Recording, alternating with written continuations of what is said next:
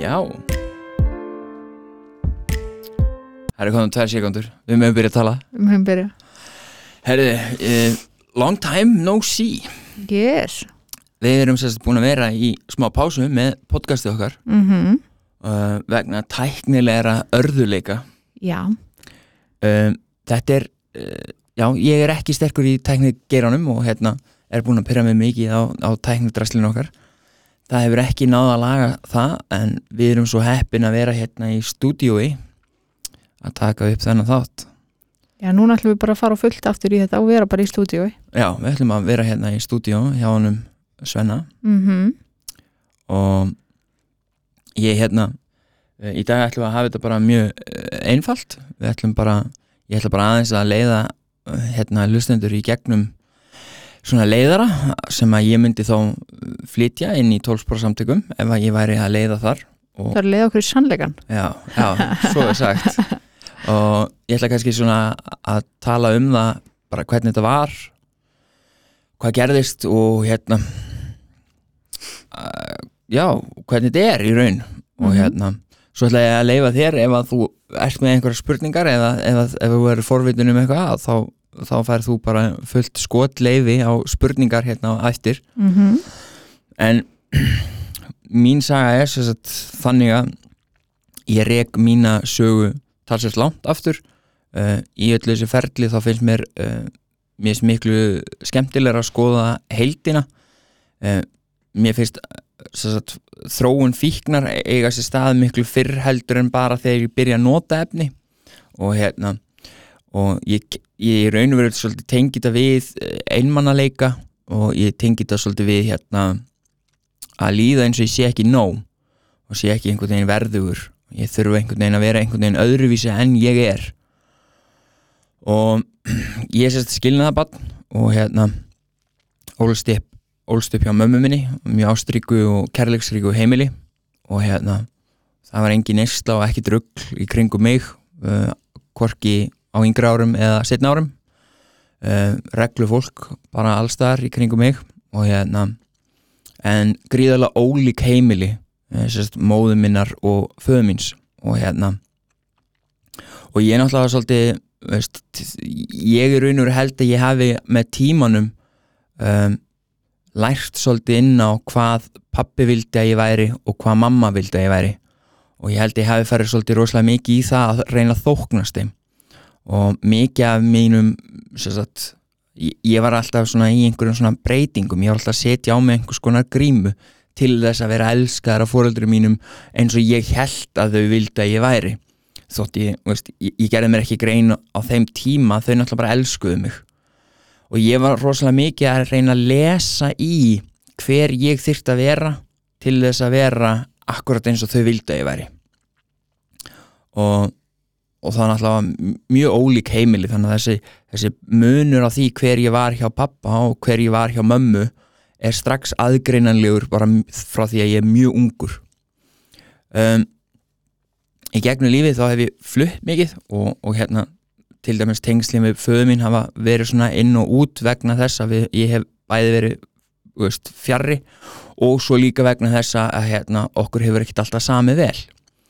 Og um, ég tók það mjög nærri mér og hérna mínar svona kallmennsku fyrirmyndir eru, eru svona gamla skólamann menn, svona menn aldur upp í sveit og það sem að kynja skiptin og, og kynja hlutverk eru mjög ólík, það sem að konan er svolítið kannski svona bara inni að baka og, og er kannski meira í svona heimilisverkum og, og hérna og, kallarnir eru svolítið svona úti og þeir svona sjá um búskapinn og svona og og þetta svona í raun og veru ágerist því að við flytjum mjög mikið, ég og móðum mín og hérna, við flytjum bæði til Luxemburgar þar sem ég fæði svona prófa að vera útlendingur. Og hérna, útlendingur 6 ára gamall og fer í fyrsta bekk aftur til þess að, að því ég náttúrulega kunni engi tungumál og ég kunni í raun og veru ekkert og ég var, fór í skóla fyrir innfætta þannig ég er strax farin að upplifa mig svolítið svona öðruvísi.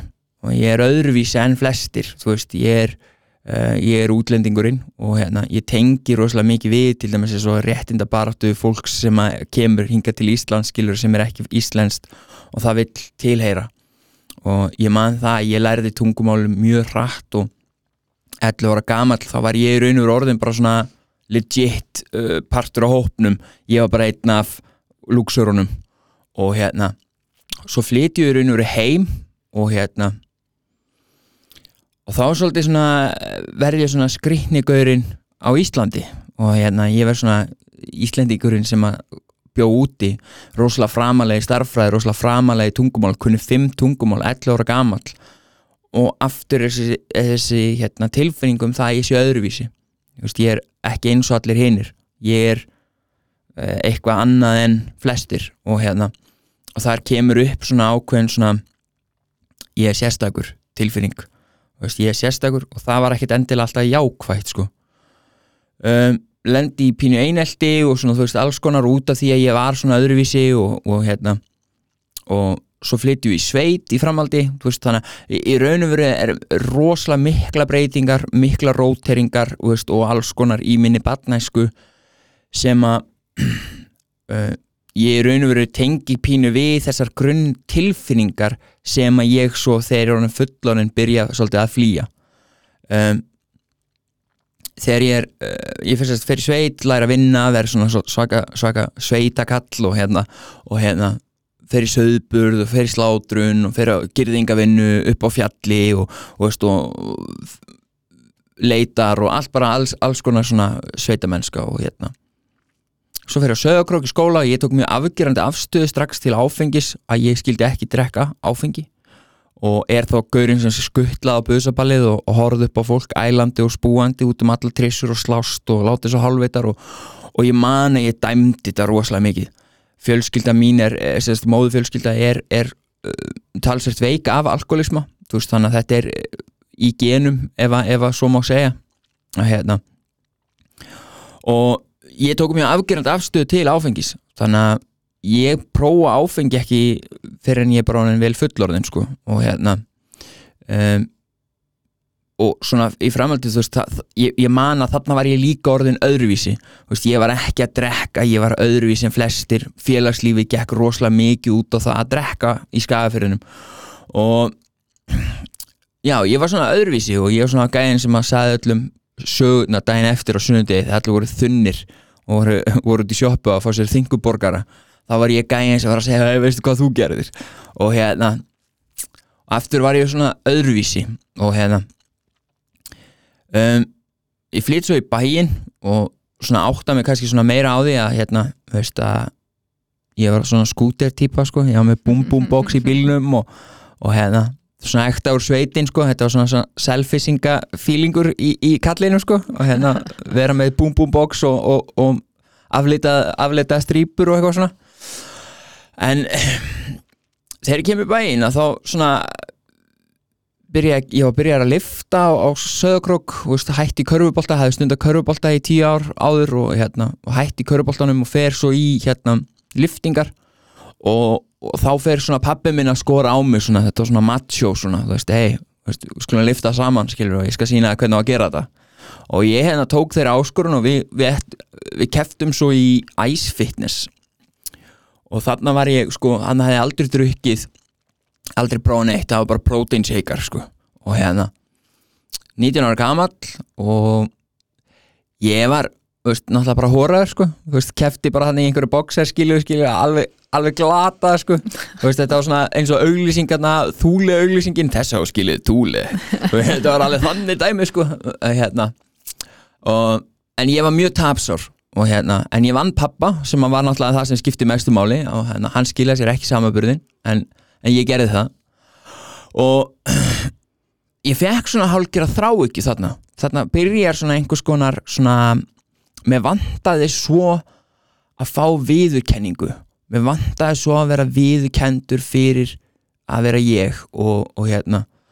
Og ég þráði rosalega mikið að vera veist, fá uh, ást og viðurkenningu annara um það að, veist, að því ég held að svona, í gegnum þegar ég skoða þetta svona í gegnum svona tímarama að þá hafi mér alltaf upplifað mig svolítið svona utan vegar. Veist, ég er svona öðruvísi, ég er svona ekki eins og flestir, ég fyrt ekkit endilega alls þar inn. Og mér vantaði rosalega mikið að fá viðkynningu þarna og, og hérna var á einhvern veginn líka nýfluttur í bæinn, fluttur heim til pappa öðruvísi áherslur þar heldur en hjá móðuminni og mikla breytingar í gangi uh, bankarhunnið er þarna á þessu sama ári já með bíl á lánum uh, sem fer allt í fokk uh, og, og, og andlega líðan mín einhvern veginn svona, þú veist fitnessi varð svona eina sem ég hafði. Það var svona einhvers konar haldreipi í að vera að gera eitthvað. Og hérna ég fer svo setna meir svona rétt eftir þetta og þá fer ég að nota stera. Það sem kannski ég vissi ekki á þessum tíma þannig var ég ekki búin að prófa að drekka áfengi. Veist, þetta er mjög steikt tímaröðun en, en ég sérst er ekki búin að prófa áfengi og, og hérna, en ég prófa stera. Og sterar gerði eitthvað fyrir mig sem að var svolítið svona lagaði eitthvað veist, allt í hennu leiði mér ekki um, allt í hennu fekk svona sjálfströst eitthvað svona sjálfströst sem að mig skorti. Allt í hennu gæti ég lappa svolítið svona breyðarinn en venjulega. Og þannig er, svo ger ég sko svo mikið greinaskil í dag að ég sé að þarna var ég greinilega með einhverja minnumáttakent ég var með minnumáttakent því að ég var ekki eins og mér fannst ég ætti að vera ég var ekki massaður, ég var ekki stór að eðlisfari. Veist, ég var bara, veist, ég var bara skinny kaurubáltagöður skilur sem var alltaf einu farin að kepp í sporti sem snýrust um það að vera einn og ekkert og, og, og 300 kíló skilur og ég var einn og 90 og, og 70 kíló skilur og hérna og ég fer í þess að stera og ég byrja að stækka og byrja að finna veist, að ég er aðeins svona stærri en flestir og svona, veist, farin að uh, fá svona smá útlýttþýrkun með þessu, allt í einu er ég farin að vera svolítið spaði. Með styrunum urðu líka rosalega mikla personubreitingar, ég fer að vera svona meira alfa fer að vera svona ákveðnari og, og fer að vera svona hrókafyllri og, og, og svona þessi ytri skil af mér er orðin svolítið svona afgerandi svona týpa, ég er orðin svona kallinn og hérna þessi kallinn, hann er raun og veru svolítið svona undir niðri þótt ég hef aldrei viðkjönd það þá að þá var ég náttúrulega bara lítill hrættu strákur sem er að reyna að vera eitthvað þú veist, að því að mér finnst ég ekki vera neitt. Og hérna þessi þróun svo frá þarna veist, ég byrja að þróa með mér veist, ég, veist, á útistöðum við foreldra, skiluru lætt henda mér út vegna þess að ég er svo skapstyggur og, og hérna, full og, og gramur og, og hérna, enda með því að ég þurfa að fara að leia mér veist ég var einhverju píramíta sölu fyrirtæki skilur að, að make a money sko og hérna og vinnumálastofnun tók mig og jarðaði mig sko og hérna sendi mig rukkun upp á 1,7 miljón að því að ég var atvinnulus og þá hefði verið í píramíta sölu fyrirtæki sest, meðferð, sest, samferða því. Og vegna þess að ég var náttúrulega bara á Facebook að láta eins og ég væri bara miljónamæringur að þá hérna sendi vinnumálastofnun hérna og þegar þeir voru hérna með rannsækundur hverju voru að svindla á bótum og hérna og þeir heldu það að ég var að svindla á bótum sko. Og ég náttúrulega sagði við á hermina hei, ef ég fyrir að sapna fokkin flöskum einhver staðar, skiluru, eru þið að fara að skerða bætuna mínar, ég meina þið getur bara lítið á þetta sem einhver svona flöskusöfnum því að ég var nokkið að hafa mikla peninga upp úr þessu raunverulega og þeir hafðu enga sannanir. Þannig að ég, ég fyrir að lenda svona í útistöðum í lífinu og lífið einhvern veginn bara þú veist, uh, gerist og ég hef enga hæfni að það getu til þess að takast á við þessa, þessar, hérna, þessar þólreinir ég fer að finna mig í glæpum að fjármagna líf mitt. Ég fer í raun og vera að rækta græs og ég fer að gera alls konar hluti. Og allt í einu finn ég einhvern hópa fólki sem var tilbúin að samþykja mig fyrir mig. Og allt í einu var ég svona kall sem var sterkur, stór og ég átti pening vegna þess að ég var að stunda ólega viðskipti. Og, og það gaf mér eitthvað í egoið. Mér fannst ég vera meiri, mér fannst ég vera meira virði vegna þess að ég var að gera það. Og svona eftir á litið þá held ég líka að, að þessi félagslegi samþygt sem ég fæði þarna út úr þessum félagskap hafi verið með meira virði heldur en peningana. Vegna þess að ég var aldrei mikið að spá í pening. Mér vantaði bara pening til þess að geta verið í rættinni og, og haldi áfram að vera einhver kall sko. Veist, mér, mér fannst miklu skemmtilegar að fólk væri að ringi mig heldur en ég ætti mikið að peningum þú veist um, framlýðast undir og þetta gengur í einhver tíma og hérna svo náttúrulega tekur lögga mig veist, tekur rektanina mínar og, og, og hérna ég lendi út í stöðum og, og hérna veist, þetta er náttúrulega bara eins og með allt sem að er svona veist, þetta gengur yfirleitt aldrei neitt til lengdar sérstaklega ekki þegar menn eru að kaupa sér 5 til 10 miljón krónar bíla og, og keirum og, og eru samt ekki í neittni vinnu. Og veist, það náttúrulega gefur auga leið að þú, þú mjög fljótur að koma upp um sjálfa þig þegar lætur eins og sér kongurinn en þú ert ekki með neina tekjur. Um, þannig að ég, ég raunur tapa rosalega miklu veist, og ég lendi svona aftur í konfliktum, peningar verða vesen og, og hérna ég er þarna farin í restina farin að nota til þess að kötta þegar ekki til efitrín, þá byrja neistlan uh, á, á höfbreynd efnum. Ég prófa áfengi þarna einhver 10, 20, 30 skipti þarna veist, á þessi tímabili frá 21 til 25 mér fannst áfengi ekki skemmtilegt. Fannst ég verða bara heimskur að því. Mér langaði ekkert að vera heimskur, mér langaði að vera kallinn sko. Og hérna áfengi gera það ekki fyrir mig. Og hérna um, já, ég byrja sérst í neyslu á þessum efnum hlutir fara klúðrast uh, og, og hérna ég keppi örar og örar og hérna, þú veist, ég er að keppa bara tvísvar á ári, þú veist, í vakstarækt og hérna, og í raun og veru svolítið svona veist, það verður svona eina sem ég er að gera í lífinu veist, og það verður svona haldripi, ég er íþróttamæður veist, ég, er, ég, er, ég er að keppa í sporti sko. og hérna, og það var eina sem ég einhvern veginn ekoði með, þú veist, það var og svo gekk mér aldrei eftir veist, ég var alltaf með væntingar um það ég myndi, veist, ég meina, ég væri svona flottur ég væri búin að bæta mér svona mikið og ég myndi þá fá þetta sæti. En í, í íþróttu sem er huglegt mat veist, þá, veist, þá getur þú átt góðan dag, slæmum dag þú getur verið köttar eða þurr, þurr, þurr eða blöytur eða eitthvað, þetta er svo viðkvæmt ástand. Og ég einhvern veginn náði aldrei að negla þannig að dómarnir gæf, gæfi mér sæti sem að mér fannst ég að skilið.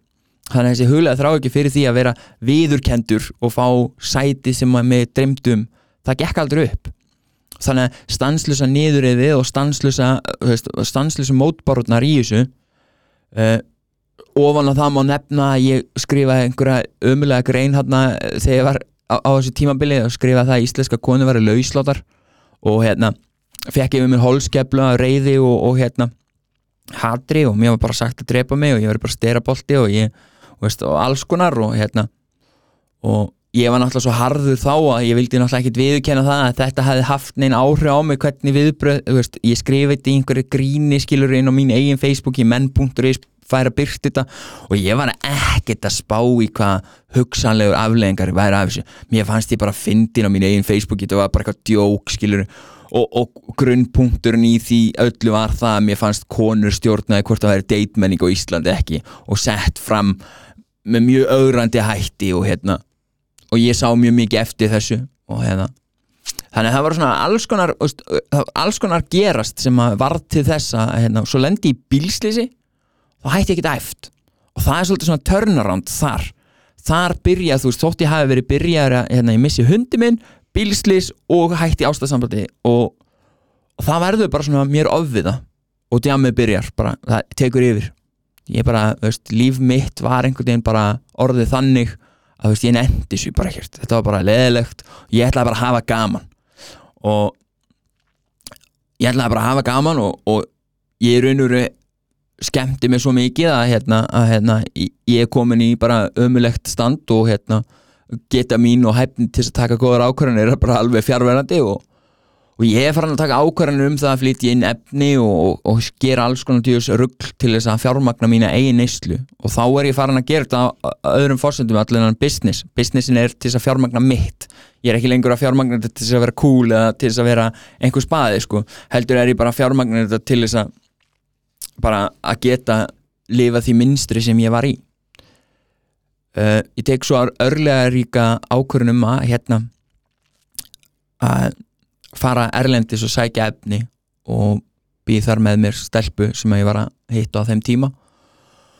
Og við erum tekin úti og hérna það verður alveg gríðarlega lífsreynsla.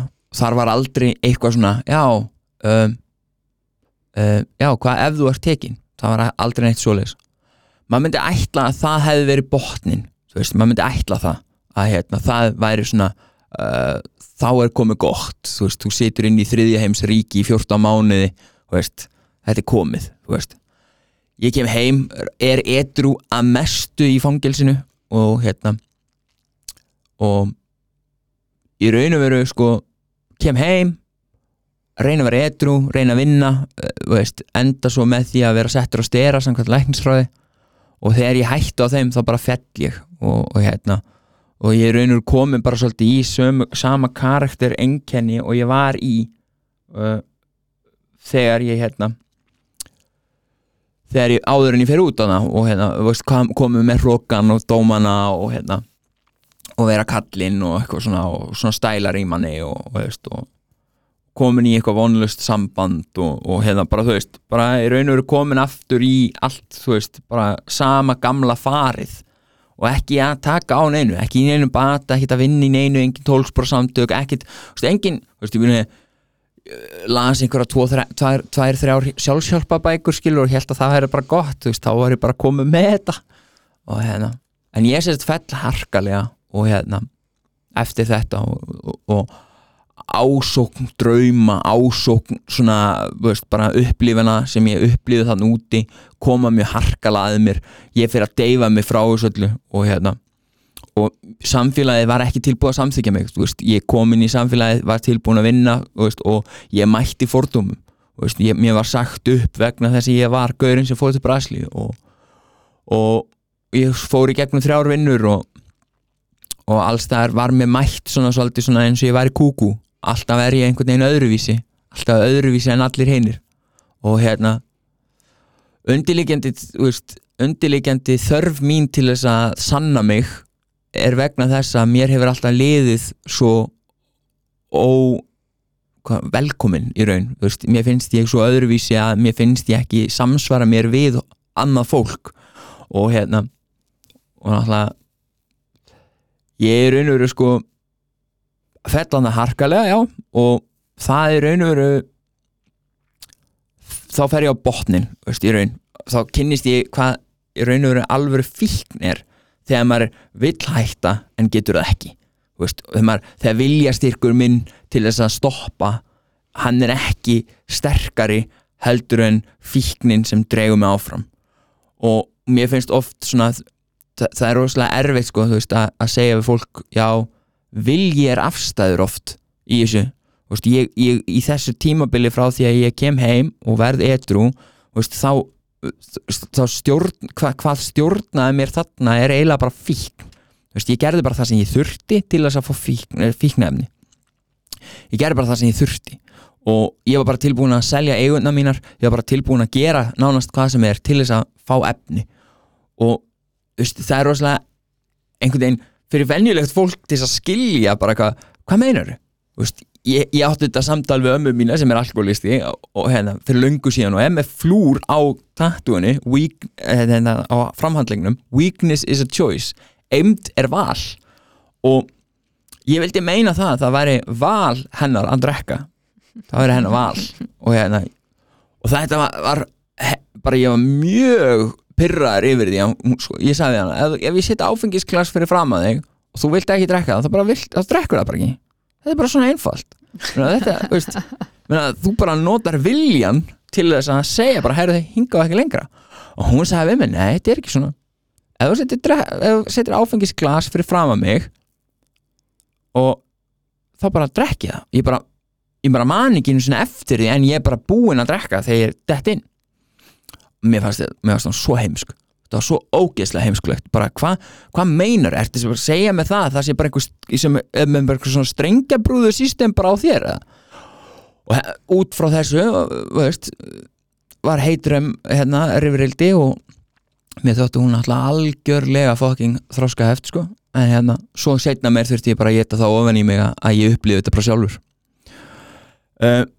Það er eitthvað sem ég óska engum að hérna að upplifa alvöru fíkn alvöru svona að vilja í alvörunni uh, vera edru, vilja í alvörunni. Og ég gerði tvær heiðarlegar tilraunir eftir ég kem heim á þessu einu og hálfa ári. Gerði tvær tilraunir.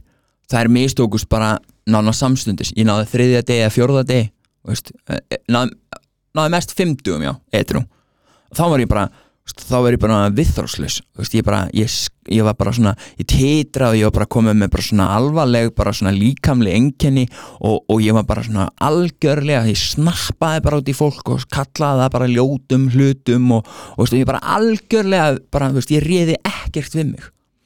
Og ég sést á góða sögu að þegar ég fór hérna upp á landsbítalan þá hérna ætlaði ég að fannst að vera eitru og við ætlaðum að fara og reyna að fá frákvæmslif uh, frákvæmslifið uh, við þurftum að býða eftir því að einhver sérstakur geðlæknir eða einhver frá geðdild myndi koma niður, á, á, niður í fósvög og býðum að svo lönga að hérna, ég var alveg búin að tapa vitglórinni, búin að henda páskaliljónum öllum út um alla byðstöðum alveg klikkaður. Þannig að þegar maður segir við fólk skilur fíkn er ekki val. Þannig er ég að gera mitt besta ég er á staðunum, ég er að býða veist, og ég er alveg að tapa mér vegna þess að ég bara mér líður svo illa í líkamannum mér líður svo illa inn í hausnum á mér að, að ég er ekki að geta bara verið til. Þú veist, mér langar bara að deyja eða þá mér langar bara að, þú veist, að bara fá þessu lif og bara helst í gær, skilur og þetta endaði náttúrulega bara með því að, að hérna, við fengum þessu frákvæmslif, skilur og svo bara deginum eftir það bara gafst ég upp á þessu. Það var bara þannig.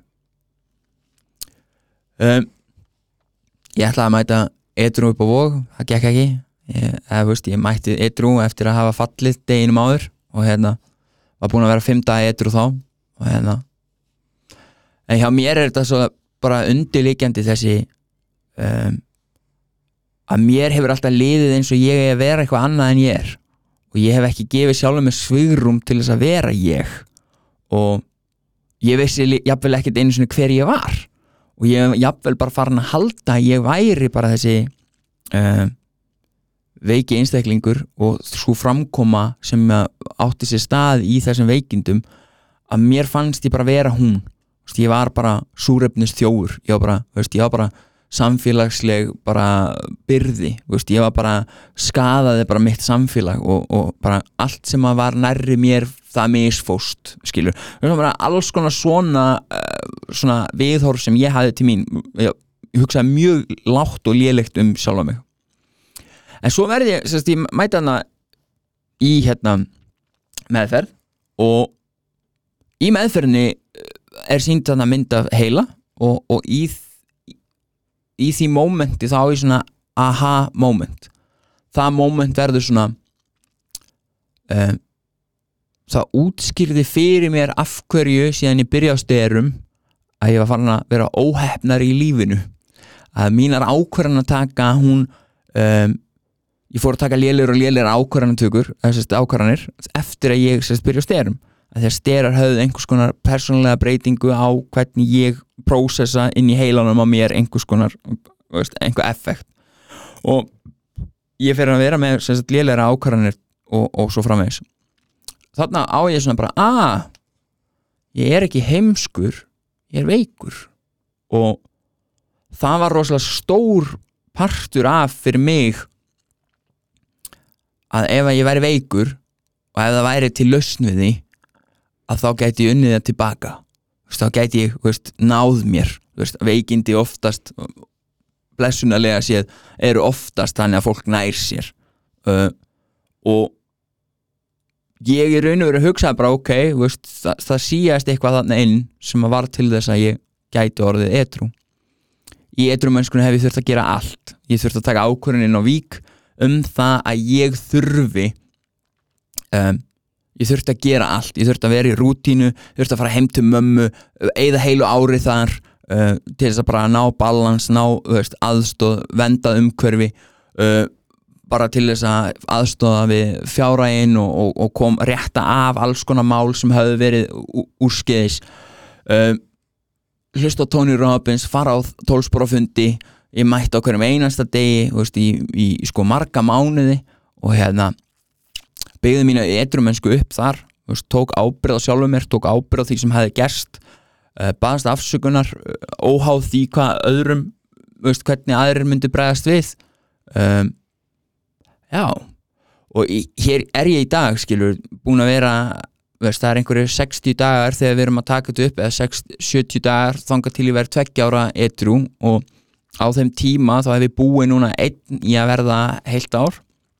Uh, Uh, ég er í háskólanum í Reykjavík að læra lögfræði og er á öðru ári og er að gera bara góða hluti og það sem kannski er eftirtekt að verðast er það að ég get verið einn veist, ég get verið einn með sjálfur mér.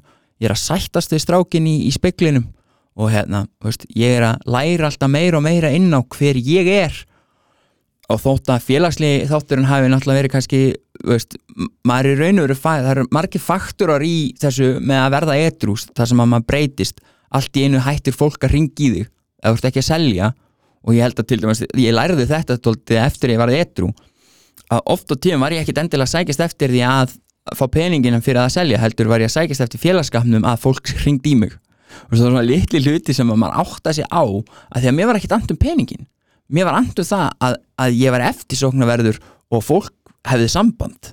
Ég hefði meira áhuga á því heldur en nokkuð tíma peningunum sem gerði mér náttúrulega gríðalega lélugum dópsala veist, og hérna þannig að fullt af effektu svo veist, ég er búin að læra inn á það þetta, ég, mynda, ég fatt þetta ekki á fyrsta degi. Og þetta hefur bara komið hægt og rólega með sjálfsvinninu, hægt og rólega með því sem að maður er að leggja á sig að, spurja sjálfa sig, þú veist, hvað vill ég raunverulega, hvað er það sem ég veist, hva, hver er ég? Veist, hver vill ég vera, fyrir hvað vill ég standa? Og svona alls konar spurningar sem að maður hefur spurt sig að. Og þetta hefur verið erfitt á köflum og hérna, það veist, ég var alveg lent í alls konar og hérna og maður hefur mist neyslufélag sem hafa mist lífið. Það hefur verið mjög erfitt erfitt að, að geta ekki bjarga þeim sem að uh, voru með manni veist, á þessu stað, þú veist, maður myndi óska þess að ég gæti unni þetta bara fyrir alla. Veist, ég var alveg til í að gera það bara, þú veist, ef ég gæti bjargað öllum sem að, þú veist, ég þekkti í neyslu. Því að oft á tíum er þetta gott fólk sem að hefur farið í gegnum mikið og hefur ekki haft getu hæfni eða þroska til þess að takast á þau verkefni sem hafa verið sett fyrir þau í lífinu. Og ég tengi bara rosalega mikið við það veist, að ég hafi ekki haft getu þroska og hæfni til þess að takast á við það líf sem að ég var að lifa á, á þessi tímabili og það fixi mitt varð efni af því það gaf mér einhverjar tilfinningar gaf mér einhver svona falskt öryggi um það að ég væri kannski að gera eitthvað eða, veist, ég hefði meiri getu undir áhrifum. Og, ég upplifði mig betri undir áhrifum mjög lengi. Þangað til að náttúrulega það fór að taka út úr lífi mínu fólk fór að taka út úr lífi mínu lífsgæði allt í einu var hann heimilislaus og alls konar þannig að já en mér finnst svo mikilvægt að taka fram að það er veist, í þessu öllu að það er ég var veist, fluttur margsinnis með sjúkrabíl veist, bara vegna krampa. Ég var rosalega lélur að hugsa um sjálfa mig. Það mér þótt ekki dvænt um sjálfa mig. Mér fannst ég ógislega eins og ég dæmdi ömmu mína veist, og þá dæmdi ég sjálfa mig. Ég var með mestu fordóman að gagvart sjálfa mér og skömmin var svo mikil veist, ég vildi ég, meina, og ég hefði náttúrulega verið úthúðar af, af hérna af fjölmiðlamöðnum bara margóft og oft fengi góða útreið þar. Og það stimplunar áhrifin á því eru gríðaleg og það hefur miklu meira áhrif heldur en maður myndi nokkuð tíma vilja veist, það að vera stimplaður konuhatari af því að maður skrifa einhver, einhvern grín pistil um lauslæti kvenna skilur þegar maður er 23 ára skilur. Ekkert að hugsa og bara þú veist að segja eitthvað svona. Og að vera bara ger, gerður að einhverju konuhatara og gerður að einhverjum vondakalli. Og þegar maður fór gegn fríðu nippul þú veist, að því að mér fannst fáránlegt að vera hvetja krakka undir lögaldri að vera setja inn á sig myndir berum á ofan eða veist, eitthvað að sína nipplur að hérna það sem að það flokkast undir badnaklám veist, að, þá þóttu mér það náttúrulega alveg fáránlega aðferðafræði við það að, að hérna frelsa uh, gerfurtur kvenna. Og svo nýverið var verið að gefa út að það, er, það eru vísindaransóknir að stiðja það sem að maður sæði þarna á þessum tíma að hérna það eru veist, dýrslega kvatir mannsins eru þannig að að þeim finnst kyn, brjóst kynferðsleg og hérna aðgreining kynjana er vissulega staðreind og, hérna, og brjóst eru einn partur af því. Að ég var alveg, ég var jarðaður og hérna og það er svo margt skilur sem að maður einhvern veginn lendi í veist, ég, ég meinti þetta ekki illa veist, ég meina ég, mér er alveg saman þótt að fólk lappa um að brjóstunum skilur, veist, ég er bara að fara að njóta þessi ef eitthvað, sko, eh, og einhvern veginn var ég gerði bara einhverjum svona ógíslegum vondakalli og, og, og hérna og bara svona, fólk tók sér alveg saman þú veist, bara ég hata mig. Þú veist, að því að ég var að segja hluti sem voru eh, counteraði það sem að fólk hafði að segja um þetta og og veginn svona ég held að mér hafi liðið mjög mikið útskúfaður af því að ég er viðkvæmur og, og þegar þetta var allt að gerast skilur þá, þá var ég náttúrulega steraður sko. Og ég myndi náttúrulega aldrei viðkynna það að ég verið með einhverja tilfinningar yfir einhverju sem einhverja kettlingar einhverju út í bæ var að segja sko. En, en þegar ég á botnum var kolt þá var mér ekki alveg sama. Og, og mér þótti mjög leiðilegt því að ég var náttúrulega að segja bara hluti sem að voru mín upplifun. Og ég náttúrulega var svolítið staðhæfingaglæður, ég viðkynna það alveg og, og, og hérna, ég þá hann í mig en ég held að, að það, þetta sé oftast hjá flestum. Þegar við erum að nota eitthvað ytra til þess að laga það innra. Það er þegar við þróum fíknina þegar við upplifum það. Og þess vegna getum við notað, þú veist, við getum sagt fíkn er ekki bara fíkn, fíkn getur verið ástarfíkn, kynlísfíkn, klámfíkn spilafíkn, matarfíkn uh, kaupfíkn tölvuleikjafíkn, veist, allt það sem við erum að nota eitthvað ytra til þess að laga það innra.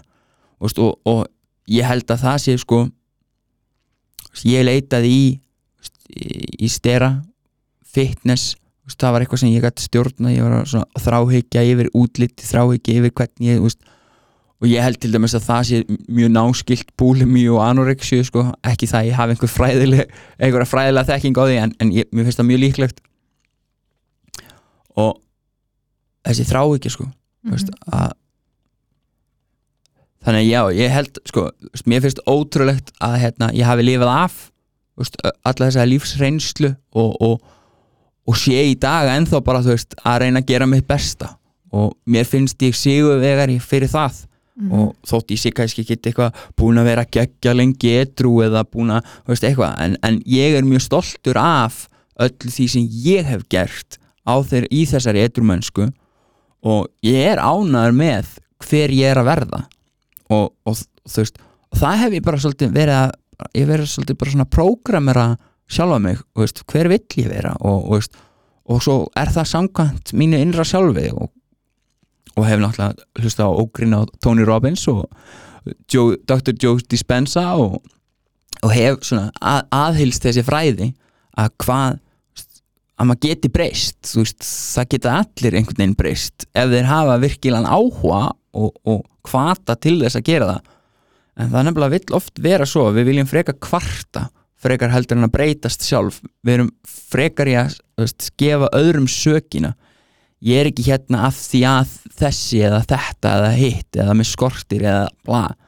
Og einhvern veginn ég hef verið svona að átta mig á því að þú veist ég er á námslánum sko, veist, ég lifi ekki flott sko en, en ég hef allt sem ég hef, vill skilur þú. Allt sem að mig vantar veist, hef ég veist, ég hef góðum tengslum með fjölskyldu ég er í góðum tengslum með fólki sem er nærri mér uh, veist, ég á fött og hérna, þótt í gangi náttúrulega yfirleitt alltaf bara í stuðbuxum og hérna en hérna, þá er fött og hérna og svona hægt og rólega er ég bara að byggja upp líf sem að veist, ég er stoltur af veist, bara eitthvað, mér þykir vænt um hverja einustu flík skilur að því að ég á ekkert margar en veist, hver og ein hefur einhvern veginn svona gildi og veist, ég á þú veist, þetta material dæmi veist, það er ekki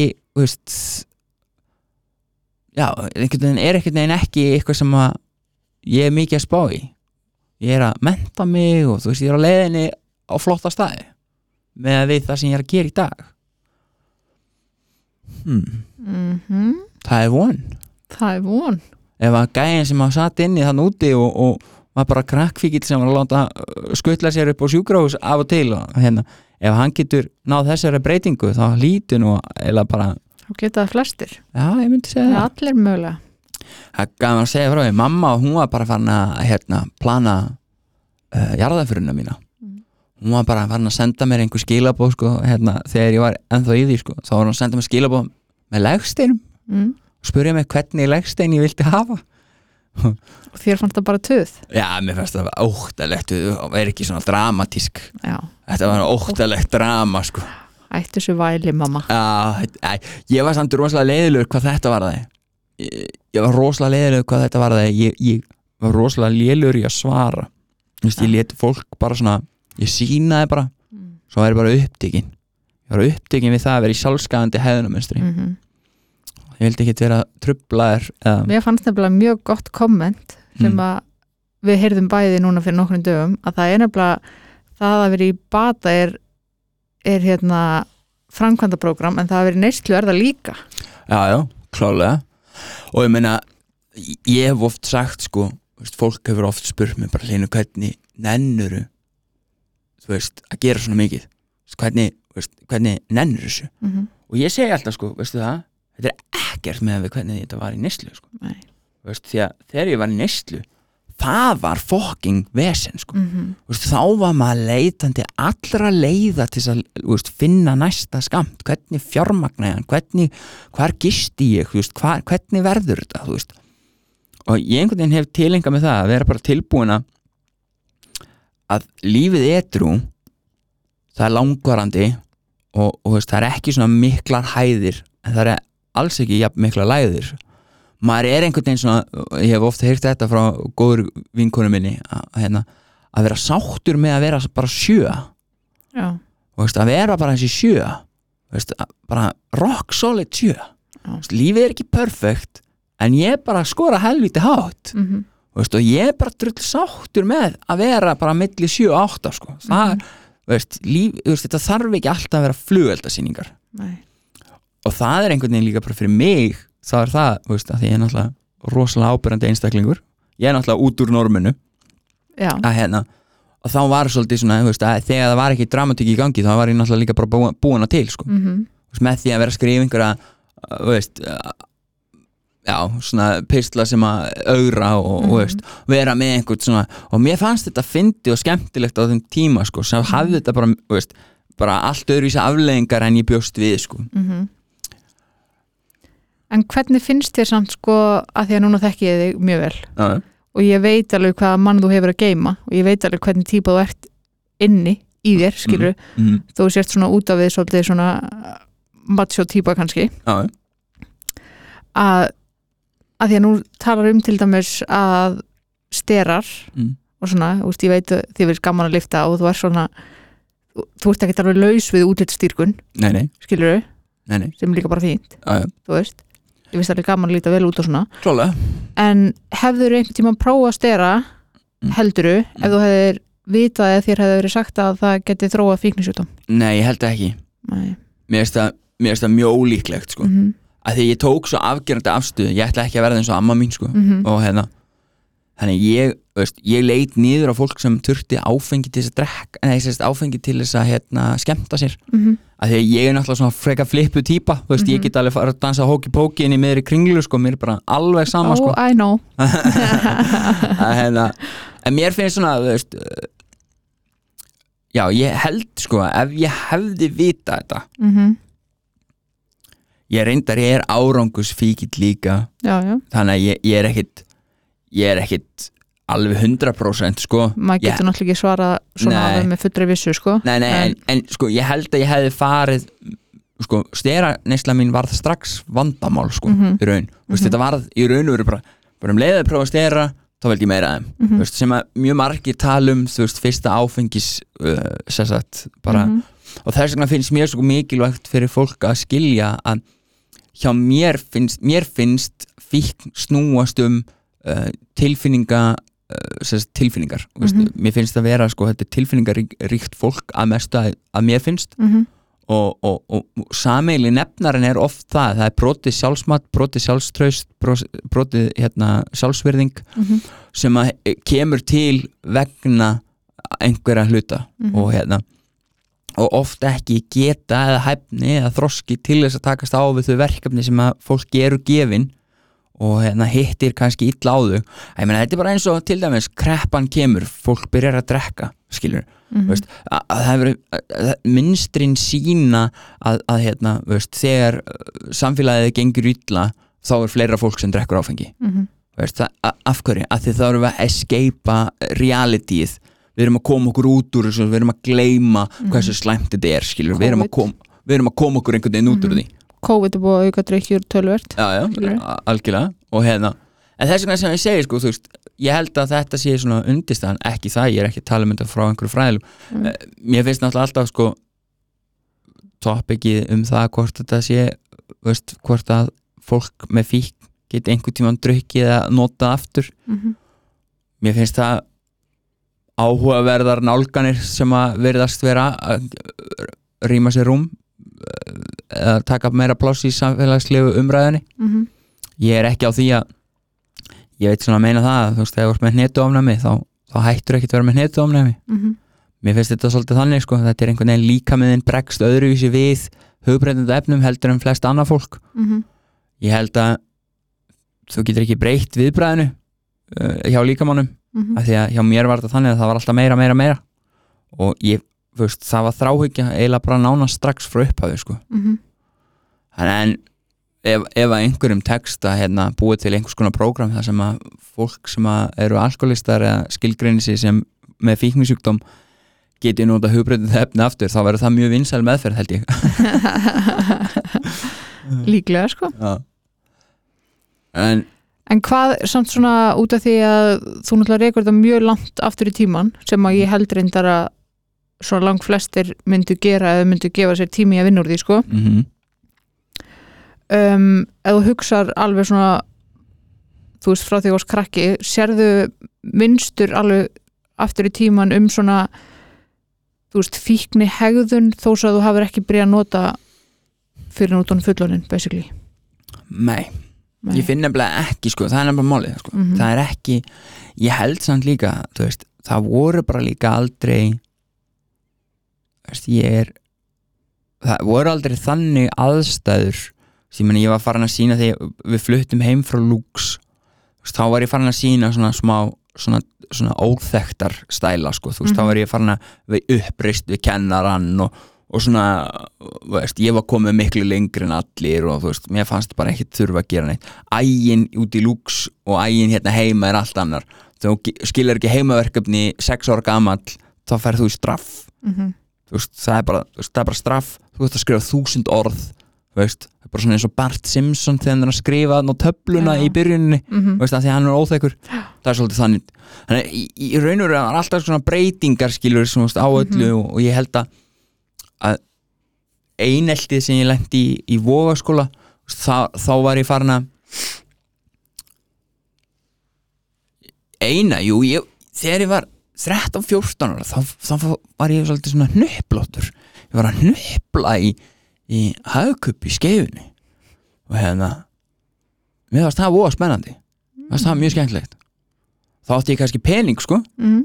en ég hnuplaði samt. Ég var alltaf að selja devaf sko Já. og ég var alltaf í einhverju, sko, einhverju missionum sko. Ég var alltaf, veist, ég var mjög hugmyndaríku krakki. Og hérna, ég var að selja devaf og í stað þess að selja fólki blaði þá fór ég að selja þeim lesturinn Mm. og þess, ég fekk 30 krónur af, hérna, af seldu blaði. En ef ég seldi fólki bara lesturinn þá get ég selt lesturinn á 50 krónur og sparað fólkinu sem var að kaupa blaðið pening. Þannig að það borgaði mig 50 krónur fekk að lesa blaðið, svo tók ég blaðið aftur. Og hérna uh, en svo var ég þess með fullt af 50 köll- köllum eftir, Mhm. eftir daginn. Svo fór ég að hafa upp skeifin og stál með snúð Svo Þannig að lær maður að þessu uh, já, veist, ég meina, en ég meina þarna var samt svona fyrsta merki þar sem ég er að Mhm, gera, þú veist, ég er að, ég er að sækja í spennu óheilbriða spennu mhm. og ég meina þa- það komst náttúrulega upp um mig Já, já. og, og, og, og lauruglan þurfti að taka mig heim og, og hérna Mhm. og já, ég fekk tiltal frá hérna, einhverjum vikingar sérsveita manni skilur sem kom heim í lauruglubúningnum og, og þrjumaði yfir mér skilur að, veist, að veist, ég þyrfti að taka ákvörðun um það hver ég vildi vera og eitthvað svona og, og svo fór ég bara að hnuplaða strax daginn eftir sko. Bara, það held ég bara Vissi bara að vikingarsveitin kæmi ekkert ef maður stelur snúð. Já, já, ég, ég meina veist þetta er kannski svona já, ég meina þetta er svona eina sem að var eitthvað svona abnormal að, og ég meina ég var að bera út blaðið 13-14 ára gamall skilur þú veist, var, var að dreifa út í hús á, á klukkan 6 og mótna, 5 og, mótna, 5 og 6 á mótnana og, mm. og veist, veist, en ég var, ég var alls ekki svona latur krakki eða þú veist, ég, ég hefði mjög gaman að því að, að hafa eitthvað fyrir stafni og gera eitthvað og tók af mér ábyrð og ég stopnaði skólablað og eitthvað svona alls konar. En að aðtapna maður sko. Aðtapna maður Já, en ég held samt sko að það sé ekkit svona fíkni tengt sko, ekkert sko. Nei, ekki, ég hef aldrei, átti aldrei óheilbrygt samband við mat. Nei, það var aldrei. Nei. Mm, bara sem- duglegur að borða. Já, ég, bara, já, ég hef alltaf verið djúlur að borða sko. Já, en ekki Alltaf. óheilbrygt nei, nei, alls ekki. Ok. En það er sko fannst þér erfitt á einhverju tímapunkti að viðukenna að til dæmis þú væri bara eins og orðaðar áðan bara svona lítill hrættur strákur. Já, ég held að toxic masculinity svo ég tæpi nú á því að hérna mí, mínar fyrirmyndir veist, bæði föður í mynd og, og hérna í, í hérna samfélaginu veist, ég Mhm. meina Dwayne Rock veist, ég meina bara allir þessi Greg Plitt þessi fitnessgöra, sis allir þessi dúttar skilur, allir svona drep, harðir, nettir stórir, sterkir, massaðir sköllóttir og, og, og skrúi sundur hluti og, veist, og, setja það saman og mm að hafa áhuga bílum og eitthvað svona veist. ég þú veist bara er ekki þannig þú veist, ég er bara ég nenni ekki að skrúa bíl í sundur eða veist, ég hef engan áhuga þessu ég, ég hef gaman að skrifa ljóð og Mhm. ég hef gaman að að gera svona bara, veist, all, allt annað sko. Mhm. þannig að ég held sko að hérna, mín hugmynd um það hver ég ætti að vera þegar ég verð fullorðin veist, og í gegnum þetta fitness fer ég svolítið í það að reyna að vera þessar veist, þessir dútar skiljum Mhm. ég en að, veist, og það er bara ég fjallaðist bara sjálf á mig Mhm.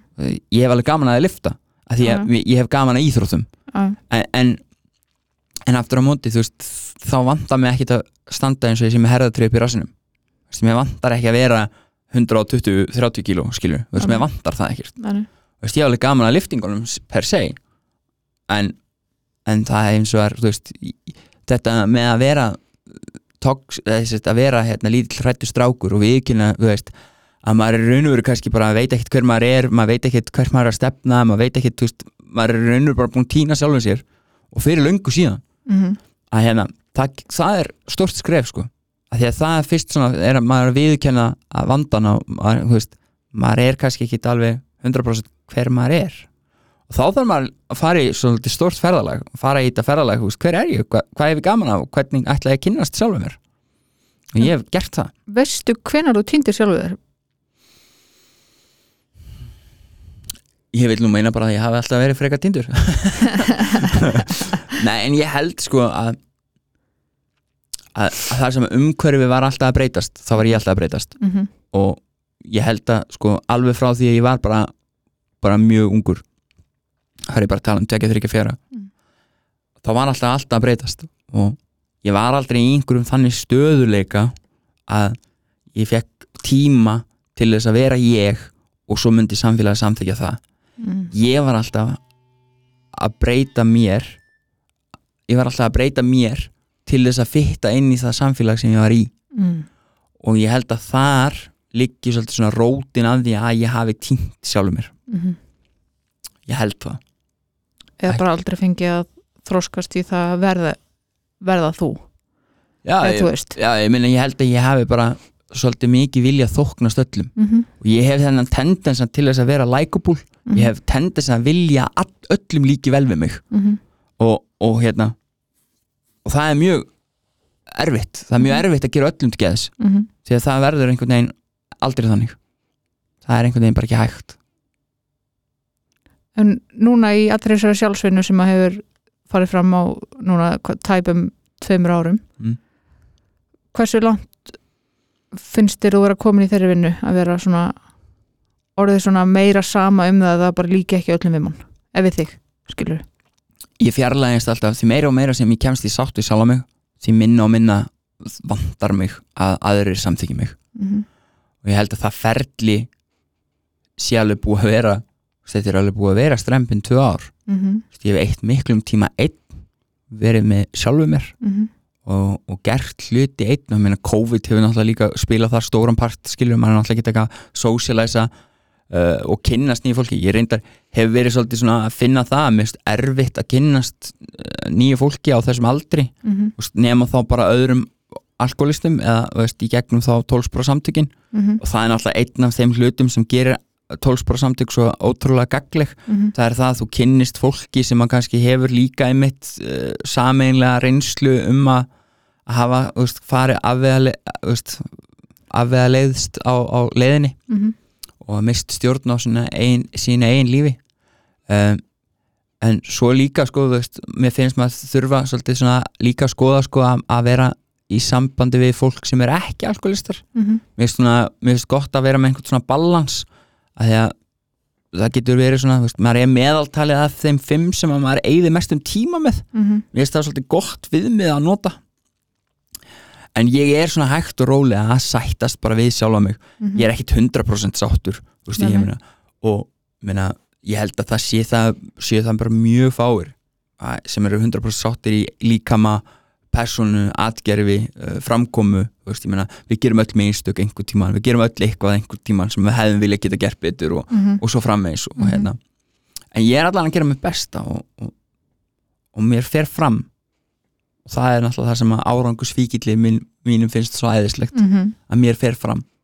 Og það er ánægilegt mhm. Ég, ég er til ég að taka undir það. Já, takk fyrir það. You're doing good. Já, ég er allan að gera mig besta. Ég get ekki, ég get ekki gert betur en það. Mér finnst svo mikilvægt, ég meina ég á líka slæma daga. Veist, ég á líka, veist, ég er alveg mannlegur og veist, ég gerir oft líka skilur og ég segi hluti sem ég hefði kannski ekki alltaf að segja og, og og eina sem mamma getur þá gert skilur er þá bara að slábröð og segja bara fyrirgjöðu og veist, bara útskýra eða, eða, eða bara byggðist afsökunar og ekki segja neitt sko. mhm, en það er hérna já, mhm, en þannig að í dag veist, ég kannski eitt af því sem að kannski ber að nefna þú veist, að í alveg frá því verð kynþróska þar til að ég verði etru að þá var ég alltaf með kærustu. Mhm, ég var alltaf í samband í samband, að næsta samband og það var í raun og veru bara svo stelpa sem síndi mig næst aðtigli mhm, ég bara byrjaði með henni. Mhm, og það var ekkert eitthvað svona selective process skilur, ég bara, veist, næsta stelpa sem síndi mér aðtigli það var bara næsta stelpa sem ég var með. Mhm, og hérna sem er rosalega óheilbrygt Mhm. og hérna og ég varð mjög meðvirkur í þeim samböndum, mjög stjórnsamur og að taka ábyrð á hlutum sem ég átti ekki verið að taka ábyrð á.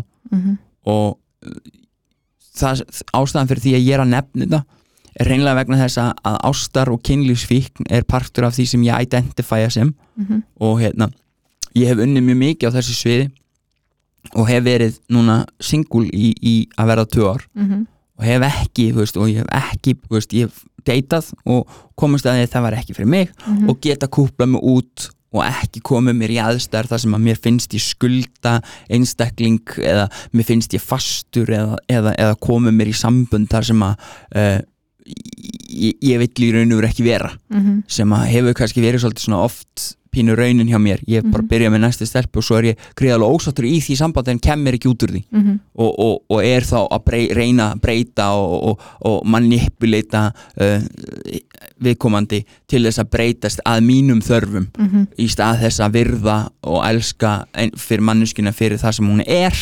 yfir í það að vera að reyna að manipuleita hana yfir í það að vera það sem ég vill hún sé. Og ég held að þar sé veist, það að viðurkenna það að maður veist, það, ég er ekki að segja ég hafi verið eitthvað master manipulator en ég held að ómeðvitað veist, á þeim tímapunkti er ég ekki að gera mér grein fyrir hvað ég er að gera. Mhm, og, og mikilvægt að það komi fram. Ég var ekki viljandi að manipulita heldur ómeðvitað þá hef ég verið að, að, að reyna að breyta fólki að mínum þörfum. Mhm, að því ég hef ekki þórað að vera einn og ég hef ekki þórað að veist, vera sjálfur einn með sjálfur mér. Og þá hef ég vilja hafa einhvern með mér sko. Mhm, og það hefur verið svona, svona að því ég er svo lítill hrættur strákur skilur þú veist að og ég er svo hrættur um það að ég, mér verði hafnað og mér verði þannig ég tek bara næsta sem býðst og, mhm, og svo er það kannski ekkit manneski sem að gengur upp með mér Mhm. skilur og, og, og, og svo er ég samt að reyna að láta það ganga og samt að reyna að, að, þú veist, að reyna að breyta manneskinu svo ég geti verið sáttari. Mhm, og þetta er náttúrulega rosalega óheilbrygt og þetta, veist, bara þetta er eitthvað sem ég hef þurft að vinna mjög mikið með. Og bara svona hrifin af konseptinu frekar heldur en manneskjunni.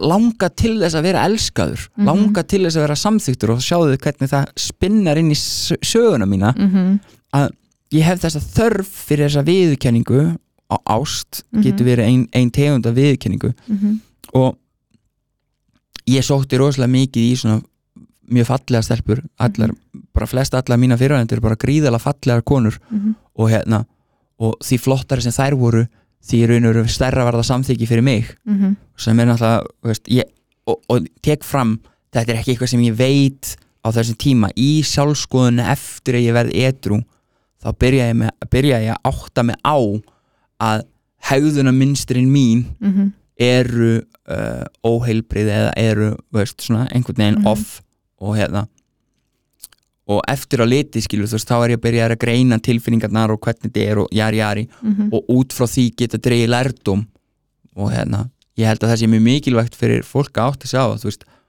oftar en ekki þegar maður er að koma sér aftur og aftur í sömu aðstöðnar mhm, það er það vegna þess að maður lærið ekki á þeim síðast. Mhm, og ég hef einhvern veginn viljað alls ekki viljað fara aftur í samskonar vegna þess að ég hef viljað uh, bara þroska mig, einbytta mér að mér að því að oft í sambandi þá vildi ég fókusera bara meira á hinnaðila mhm, því þá þurfti ég ekki takast á við mig þurfti ekki að pæli mér heldur var ég alltaf að spá í veist, hver vill hún að ég sé? Mhm, og hver á ég að vera til þess að hún elski mig? Mhm, svo er ég að læra og lesa og, og, og, og reyna að vera eitthvað annað en ég til þess að vera samþyktur af þessari mannesku mhm, og þetta hefur verið svolítið bara svona bara ég fari í þessi, þe þennan ring nokkru sinnum sko. Já, og sem er náttúrulega mjög skadilegur því að svo er, er maður kannski farin að vera einhver sem að maður samsvara sér ekkert fyrir mhm, þú veist, maður samsvara sér ekkert við og, og hinn einstaklingurinn er kannski hrifin af þessum fronti veist, en svo á sama tíma meðan hún er hrifin af þessum fronti að þá er maður að rotna innan því að það er ekki verið að samþykja mig. Já, bara Held- leikriti sem já, þú ert í. já, bara heldur leikriti sem að ég er búin að vera að púlla. Mhm, og, og þetta er svo ómeðvitað því að oft á tíðum þegar maður er óörugur þá Mhm. fer maður í einhvern svona karakter mhm, og svo getur maður fest í karakter Mhm. maður festist jafnvel í að vera eitthvað svona eitthvað tegund að kalli skilur til þess að reyna að hérna að heilla eða hald, Mhm. að maður heldur að veist, þessi mjúki hlínur, þessi hrætti litli strákur Mhm. hann verður aldrei samþyktur mhm, Þú veist, þannig að þú skalt bara vera einhver grjótharður leiðilegur fáviti skilur og ég Mhm. meina þú veist ef þú dissar þær bara nú anskoti mikið og, Mhm. og ert eitthvað með eitthvað svona stæð þá allan að sérst það ekki hversu lítill hrættu strákur þú ert verður bara dickhead já, vera bara svona halgjör dickhead sko og, og, og svo rétt að mann alltaf, ég meina þú veist, þær velji þetta ég mitt þú veist að ég meina ég meina ég þær alla með sömu framkominu með því að vera hálfviti skilur og Mhm. þá, þá fannst mér það í raunur bara, ég meina hei, ég meina hún er að velja þetta skilur Mhm. mm -hmm. og, og þannig að ma maður hefur þurft að svo, veist, skoða sjálfan sig í, í, í mjög víðu samhengi Mhm. og til þess að í raunur átta sig á þú veist, og læra, sjálfsvinna snýst um að læra af hverju ger ég svona þegar þegar svona aðstæðar komu upp. Mhm, af hverju eru þetta mín viðbyrð hvaðan koma þau, hvað lærði ég þau og hvernig get ég aflært þau? Mhm, og það er svolítið svona þetta ferli sem að þessi tvö ár, að verða tvö ár er búið að vera. Og ég hef lagt mig fram í þetta. Mhm, og ég er stoltur af þeim þroska sem að ég hef fengið út úr þessari sjálfsveinu mhm, af því að það er alls ekkit allir sem að fara í að greina sjálfa sig með svona miklum hætti til þess að, að batna verða betri, vera betri einstaklingur vera samkvæmur sjálfum sér. Og ég held að það sé eitthvað sem bara flestir mættu tilenga sér. Algjörlega samanlega því. Eða ekki bara endið á þessu ég held það bara, það er bara, það er von. Það er von og bara sjá sem fl uh, mjög fljótt aftur. Mjög fljótt. Eða ekki? ja, ef, jú, bara endilega. Við bara sjáumst mjög fljótt aftur. Við heyrumst mjög fljótt aftur